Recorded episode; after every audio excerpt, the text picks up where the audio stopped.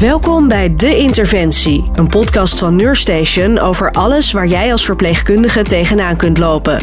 We bespreken werksituaties en ziektebeelden, maar ook je eigen persoonlijke ontwikkeling. Zo kan jij met nog meer plezier je werk doen. Ik ben Rebecca Looyen en vandaag ga ik in gesprek met Adriana. Zij werkt als escort voor ouderen en mensen met een beperking en vertelt hoe belangrijk dat is. Hoi Adriana, wat tof dat ik met jou mag gaan praten over jouw bijzondere werk. Voor we van start gaan, uh, Adriana is niet jouw echte naam, maar jouw werknaam. Wat is de reden dat jij jouw eigen naam niet gebruikt? De reden is dat heel veel mensen niet in mijn omgeving niet uh, zullen begrijpen dat ik dit werk doe. En zij veroordelen. En ik wil dat toch privé houden. Er zit zoveel aan vast. Ik werk ook nog op kantoor drie dagen in de week. Dus als ik mijn eigen naam ga gebruiken, dan zou het wel eens verkeerd kunnen aflopen. Ja, dat snap ik, ja. En um, je vertelt dus eigenlijk jouw omgeving ook niet wat jij doet? Nee, ik vertel aan niemand uh, wat ik doe. In mijn omgeving weten alleen mijn man en mijn twee dochters het. Is het niet soms ook eenzaam? Want ik kan me voorstellen dat jij best wel bijzondere dingen meemaakt en daar juist ook over wil vertellen.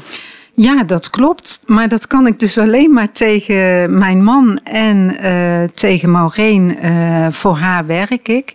En uh, één keer in de maand komen mijn collega's en ik bij elkaar, bij Maureen.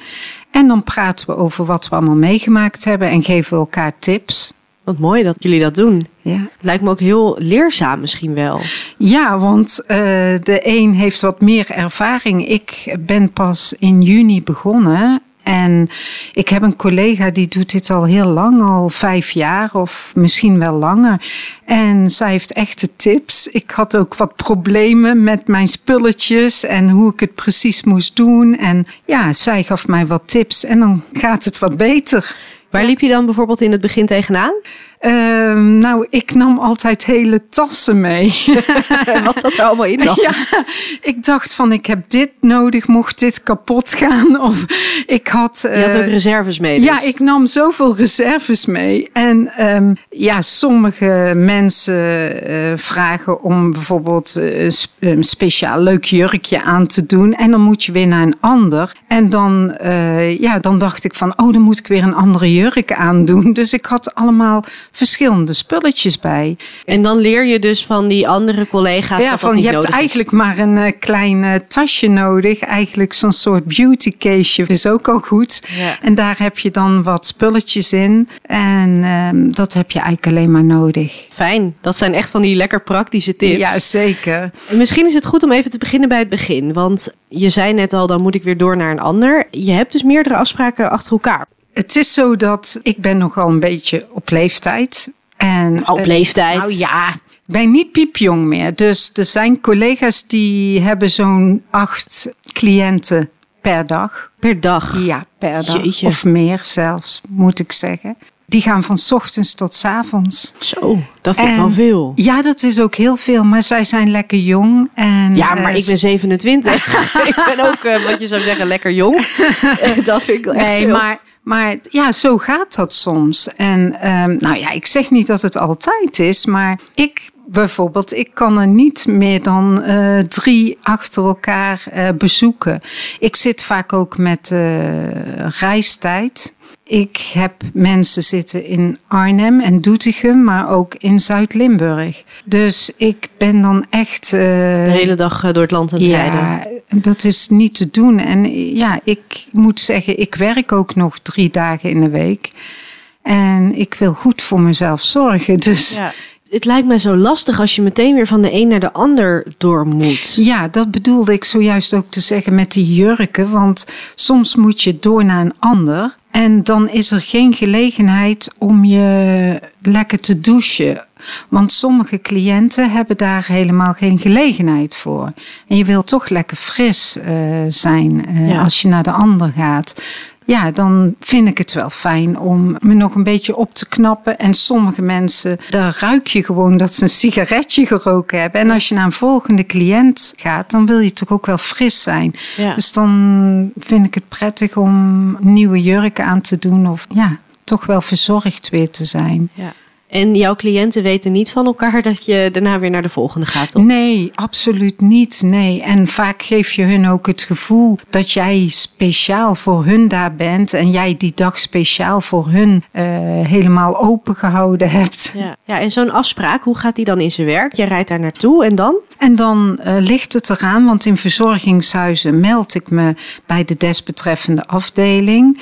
Mensen die nog apart wonen in een eigen huisje, daar kan ik wel gewoon uh, aanbellen.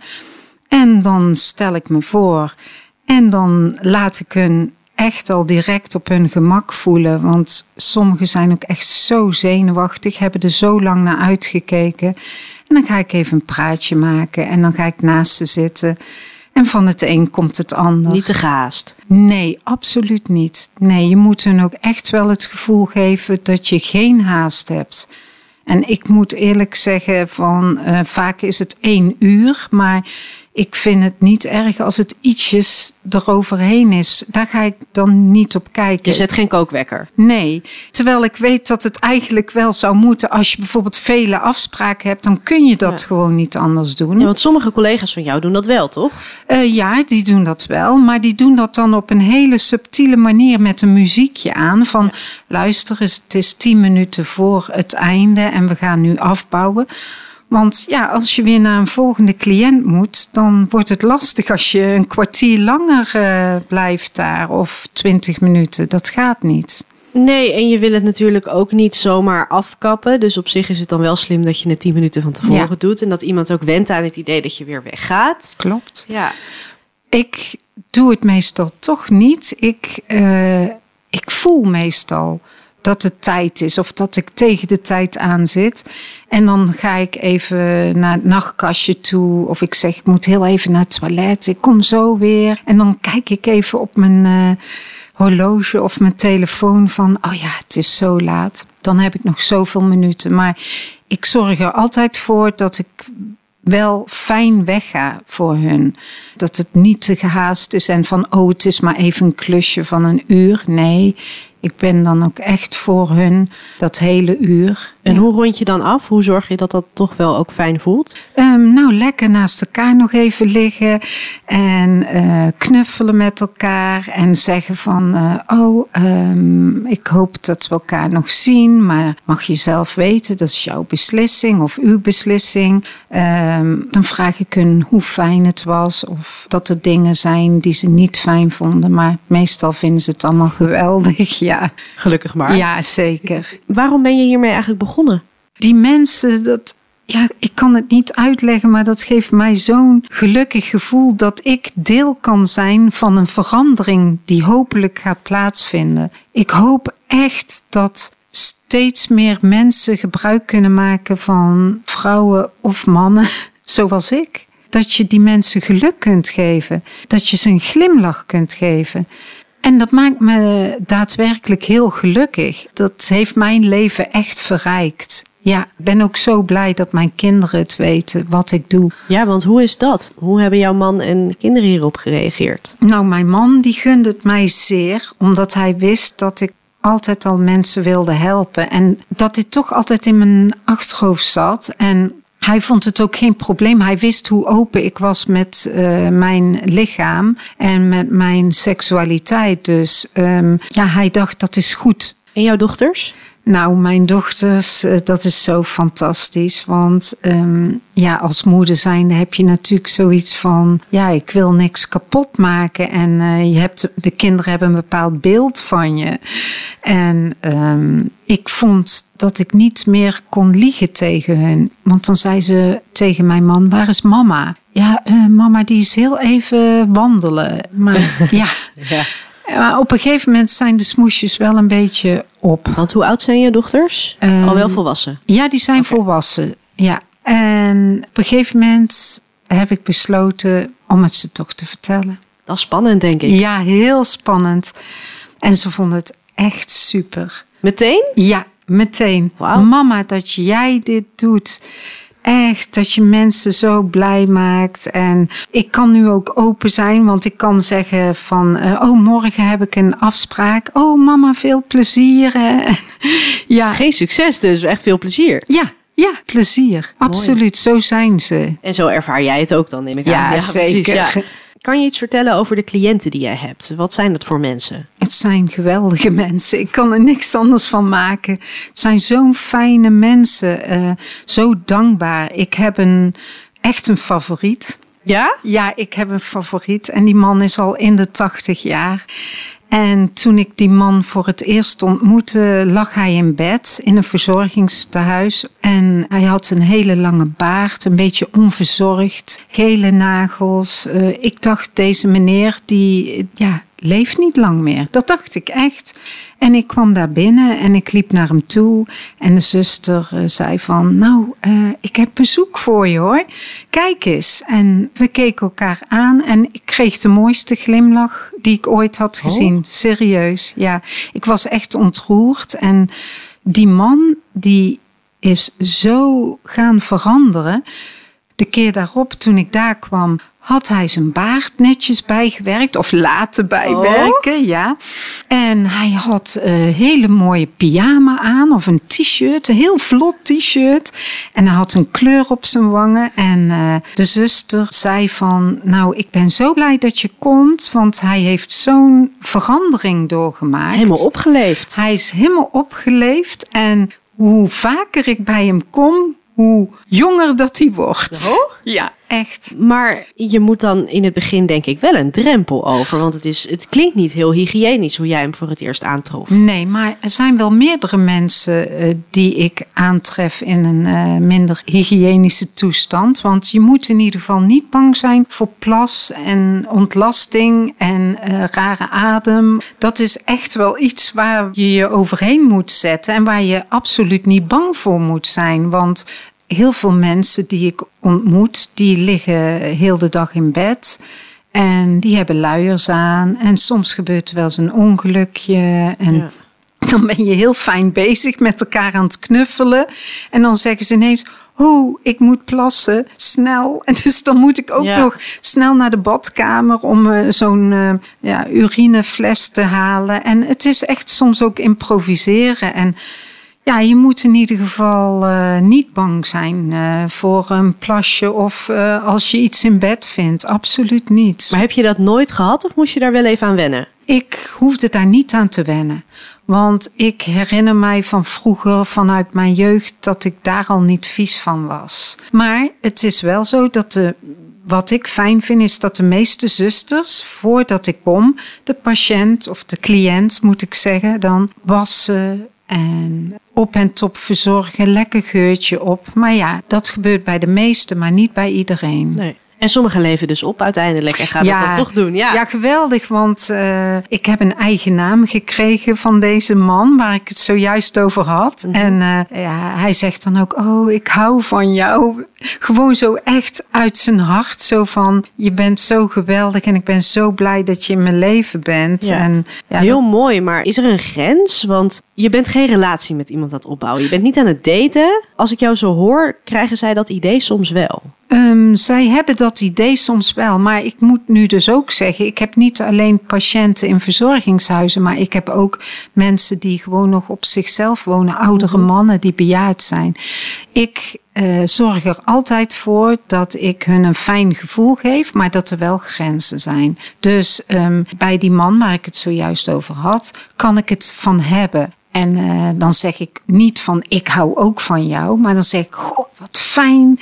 En Oh ja. ja. ja, dus ik maak er dan zo een verhaaltje van. Je kapt het niet af. Nee, nee, nee, nee, want dat is hun gevoel. Zij zijn daar gelukkig mee.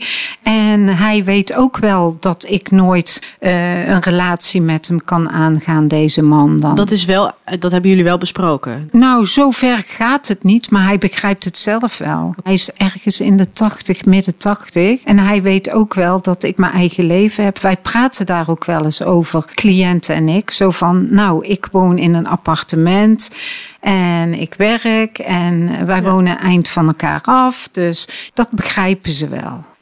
Hebben eh, jouw cliënten ook allemaal dezelfde vraag als jij langskomt? Of dezelfde behoefte? Nee, absoluut niet. Nee, de een vindt het heel fijn om gewoon eh, een kwartier lang vastgehouden te worden en gestreeld te worden.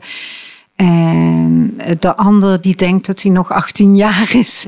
En die wil dingen waarvan ik denk van wow, dat vind ik zelfs heel heftig. Ja, ja. Is daar wel een grens? Ja, zeker. Want er uh, zijn dingen die ik echt niet doe. Uh, bijvoorbeeld ook, wij gebruiken altijd condooms. Mm -hmm. Altijd veilig. En ja, uh, als ik het zo mag zeggen, het anale, dat, dat doe ik niet. Nee. nee. Maar er zijn toch best wel cliënten die dat zo willen. Terwijl ze zich nog niet eens kunnen keren, bij wijze van spreken, in hun bed. ja. Nou, dan zeg ik zo van, nou, dat gaan we niet doen hoor. zeg ik dan. Uh, er zijn genoeg andere leuke dingen die we ja. samen kunnen doen. Maar het is ook niet mogelijk vaak. Want heel veel patiënten of cliënten die ik heb, die kunnen zich gewoon niet meer bewegen. Soms moet ik hele acrobatische kunsten uithalen. Je blijft er wel lekker lenig van. Ja. Absoluut. Ja. ja. maar dat is wel zo. Je moet zo goed nadenken over alles. Want uh, ik had laatst een um, patiënt en die viel af en toe. Dus die viel af en toe op de grond uh, met bepaalde bewegingen. Maar die wilde wel bijvoorbeeld een bepaald standje doen met mij. En dan moet je echt goed nadenken van... hij moet wel ergens op kunnen vallen als hij valt. Ja. Want ja, en, ja, dat, maar ja, ja en ik moet ook realistisch. Ja, en ik moet ook zeggen dat het gebeurde ook. Oké. dus ik was heel blij dat ik goed had nagedacht, want uh, hij viel achterover en gelukkig op het bed. Ja, en je wilt ze toch graag tegemoet komen. Dus je zegt dan niet meteen: nee, dit gaat niet. Nee, ik ga goed nadenken. Ik ga wel goed nadenken. Want ik moet ook uh, erop letten. Ik moet mijn verantwoordelijkheid nemen op dat moment. Uh, ja, maar ik... dan zou je dus kunnen zeggen dat je bij uh, dingen die minder voor de hand liggen of minder, minder veilig zijn, dat je dat per definitie niet doet. Maar je kijkt dus wel altijd naar of er een manier is om dat toch ja, te laten ik, lukken. Ik kijk wel naar mogelijkheden. Want sommigen hebben echt wensen en dromen. Die, die dromen daarover al tijden. En dan wil ik wel bekijken of ik die droom kan laten uitkomen of niet. En dan leg ik ook wel uit als het niet kan, van ja. Waarom? Ja, en we kunnen iets anders gaan doen. En meestal maak ik er echt wel iets van dat ze het ook snel weer vergeten. Ja. Als ik het zo hoor, is er niet heel veel schaamte als jullie zoveel bespreken, als zij zoveel wensen uitspreken. Nee, er is geen enkele schaamte. En dat voelen ze ook. Dat vinden ze ook fijn dat vinden ze echt fijn dat, dat ze zich kunnen laten gaan en dat ik me ook kan laten gaan. Dus dat ik uh, niet met mijn handen voor mijn borsten sta. of uh, ja. nee, ik ben, die, die zijn dan helemaal voor hun hoor. Ja. Maar hoe is dat voor jou? Ik vind het ook heerlijk. Ik vind het ook niet erg om mijn kleding dan op dat moment. Want er zijn ook mannen die vinden het geweldig. Dan zeggen ze ook van wel je mooiste lingerie aandoen hè. nou ja, eigenlijk overal waar jij komt vinden mensen jou echt speciaal.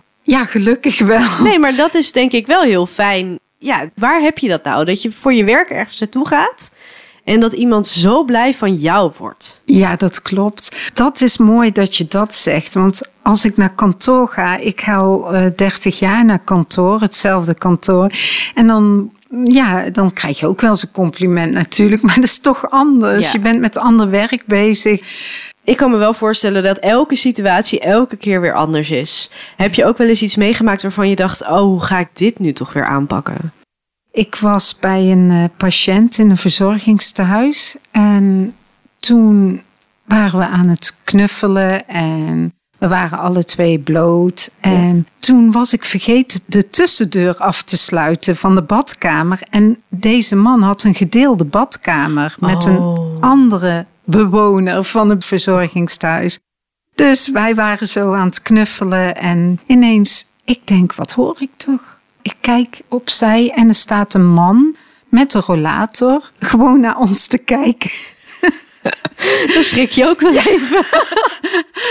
en ik, ik had echt zoiets van, wat nu? Dus ik zeg, oh, ik denk dat u verkeerd bent, meneer. en hij zegt zo, Nee, ik, ik denk niet dat ik verkeerd ben. ik zeg nou, ik doe heel even iets om mij heen slaan en dan breng ik u terug naar uw eigen kamer. Goed? En toen zei de man, hij keek me ook zo echt heel beteuterd aan en hij zei van, ja, maar ik wil helemaal niet weg.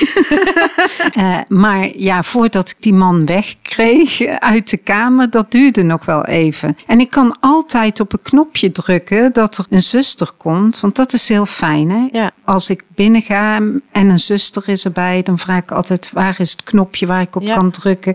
En dan komt er ook iemand. Ja. ja. En zij weten ook waar jij voor komt. Ja, ja, dus zij daar weet. ook niet gek op. Nee, nou, de meesten niet. Nee, die zijn zelfs blij. Waarom zijn ze blij dan?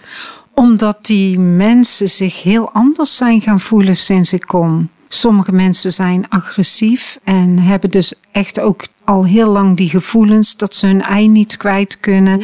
Of ze gaan medebewoners aanraken of zusters lastigvallen. Ja, dat heb je ook.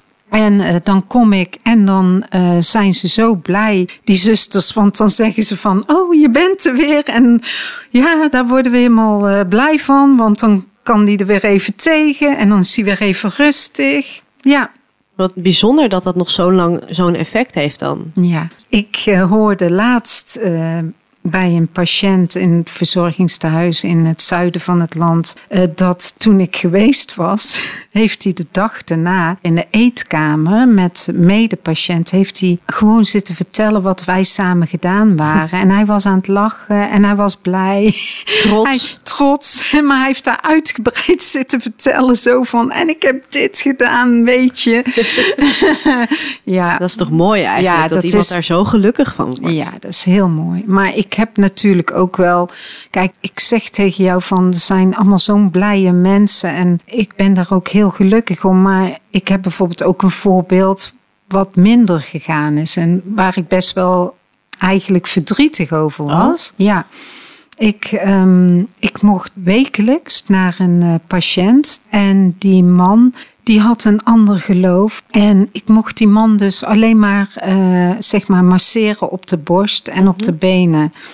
En dat ging al heel ver, want eigenlijk mocht dat nog niet eens, dat een vrouw eh, hem mocht aanraken. Maar die man had zo'n behoefte daaraan, die vertoonde ook gedrag die best wel grensoverschrijdend was. Ja. En ik ging daar naartoe en ik heb daar ook echt een hele warme vriendschap mee gehad. Die man was zo gelukkig dat ik kwam en eh, wij hadden een eigen liedje gemaakt. Ik had een eh, liedje van een man die zong over Aisha en daar eindigde ik altijd mee. En dan ging ik hand in hand aan zijn bed zitten. En dan eh, was hij helemaal gelukkig. Maar ik merkte steeds meer dat hij met zijn handen richting naar zijn penis ging. En dat hij dat gewoon wilde, maar dat mocht niet. En ik moest gewoon zijn hand steeds terugtrekken. Dus hij mocht gewoon daar niet aankomen en ik ook niet. Ja. Dus ja, dat was heel erg moeilijk. Dat was een tweestrijd. En ik heb op een gegeven moment gezegd, ik zag dat hij zo ongelukkig werd, omdat hij zichzelf ook steeds niet aan mocht raken en ik hem daar ook niet. Maar hij mocht dat zelf dus ook niet. Nee, Oké. Nee. En toen is er gepraat en toen mocht ik wat verder gaan. Uiteindelijk, dat vond ik heel wat. Vond ik ook een heel mooi eh, gebaar van hun uit dat ik dat wel bij hem mocht doen. Maar op een gegeven moment kreeg ik toch te horen dat ik niet meer mocht komen. Jeetje. Vanwege zijn geloof. Ja, dat het echt, dat ze dat toch niet wilde. En die laatste keer dat ik hem had gezien, ik ging naast hem zitten en ik zei: Ik kan je nu niet meer zien. Ik vind dat heel erg, maar je weet waarom. Nou, toen hebben nog samen naar ons liedje geluisterd. Maar ik moet wel zeggen dat ik helemaal brak toen ik die deur uitging. Maar waar, waar zat het hem dan voor jou in? Omdat ik het erg vind, nog steeds, dat mensen vanwege wat voor reden dan ook niet eh, hun gevoelens mogen uiten. Terwijl het eigenlijk hele primaire gevoelens zijn. Ja. En eh, zoals wij eten nodig hebben en, en water nodig hebben om te leven, hebben die mensen ook dat nodig Ja. in hun leven. En dat wordt vaak vergeten of gek gevonden of niet normaal. Maar die mensen die hebben daar ook behoefte aan. En dat wil ik zo graag benadrukken. Dat sekswerkers eigenlijk voor eh, patiënten, dat dat gezien moet worden als iets heel bazaals. Als iets wat een mens nodig heeft en wat helemaal niet gek is. Is seksualiteit dan buiten het geloof om ook nog echt een taboe binnen de zorgsector, denk jij? Um, ik denk bij sommigen wel. Het gaat steeds meer veranderen. Bijvoorbeeld in uh, ik weet dat in het zuiden van het land er een uh, verzorgingstehuis is en die hebben een psychiater en die motiveert de mensen om daar gebruik van te maken, want die vindt dat de mensen daar ook beter van worden, de patiënten beter van worden. Die stimuleren dat, laat ik het zo zeggen. En de meeste zusters, als ik binnenkom, die zijn heel hartelijk en die danken. En, maar er zijn ook af en toe wel mensen die even naar je kijken, zo van, hm, zo van ja, hm, die het er moeilijk mee hebben. Maar dat is ook heel normaal. Niet iedereen kan staan juichen dat dit werk er is. Dat, Waarom niet? Ja, dat zit gewoon nog niet zo in onze maatschappij. Dat is dus een beetje dat taboe. Ja. ja. En ik denk wel dat de jeugd daar totaal anders over denkt nu al, dat vind ik wel fijn. Want dat merk ik wel. Dat jongere mensen toch al alles een beetje anders gaan bekijken. Maar dat het voor de ouderen vaak toch nog taboe is. Maar ik moet echt erbij zeggen, de zusters bij wie ik kom, de meeste echt allemaal keihartelijk. Mooi. Ja. Ja, dus over het algemeen eigenlijk alleen maar positieve ervaringen. Ja, zeker. En um, je vertelde ook dat je eigenlijk verschillende soorten mensen ziet, verschillende soorten cliënten met een andere achtergrond. Is dit mogelijk voor iedereen? Ook als we het bijvoorbeeld hebben over een verstandelijke beperking. Ja. Kan dat zomaar? Ook als iemand misschien niet meer helemaal wilsbekwaam is om zelf te zeggen: Ik heb hier behoefte aan, dus ik wil die afspraak. Ehm, de verzorger uh, die regelt dat dan. Kijk, want een zuster die kan af en toe een aai over de bol geven of een knuffeltje. Mhm. Maar die kan niet uh, bloot uh, tegen een patiënt aangaan. Hij wil dat waarschijnlijk ook niet. Nee, precies. Dat is niet meer dan normaal dat je dat ook uh, niet wil en niet doet en niet mag. En um, die verzorgers, die merken toch wel vaak zo van uh, bepaald gedrag. Of dat ze vaak bepaalde handelingen doen bij zichzelf. Of dat ze toch misschien wat rustiger maakt als ik kom en lekker met ze knuffel en warmte geef. Om af te sluiten eindigen we altijd met een uh, belangrijke vraag. Wat zou jij vanuit jouw expertise willen meegeven aan zorgverleners? Um, dat de verpleegsters die nog een vooroordeel hebben over de werkzaamheden die ik doe, om toch te proberen om daar wat verandering in te brengen en te zien als uh, werk waardoor je de patiënt alleen maar veel vreugde, meer vreugde geeft. Zij worden er echt helemaal happy van en uh, zij kunnen er weer even tegen. Zij zijn gewoon blij. Ze hebben die warmte nodig, die aanrakingen, die strelingen. Moet je je voorstellen dat je in jouw leven dat jij geen streling mag hebben van iemand, terwijl je daar wel behoefte aan hebt. Stel dat je zo die warmte mist en dat je die niet krijgt omdat een ander vindt dat het niet mag, dat het raar is. Ja, ik hoop dat diegenen kunnen inzien dat het alleen maar meer goeds zal brengen dan kwaad. Je luisterde naar De Interventie, een podcast van Neurstation. Wil je meer weten over bijzondere werkplekken in de zorg of andere vakverhalen lezen? Kijk dan op neurstation.nl. Over twee weken zijn we er weer. Dan praat ik met psycholoog Rinske Dijkstra. Zij werkt bij 113 zelfmoordpreventie en vertelt over het omgaan met mensen die suïcidaal zijn. Vond je deze aflevering nou interessant? Laat dan vooral een review achter en deel hem met je collega's.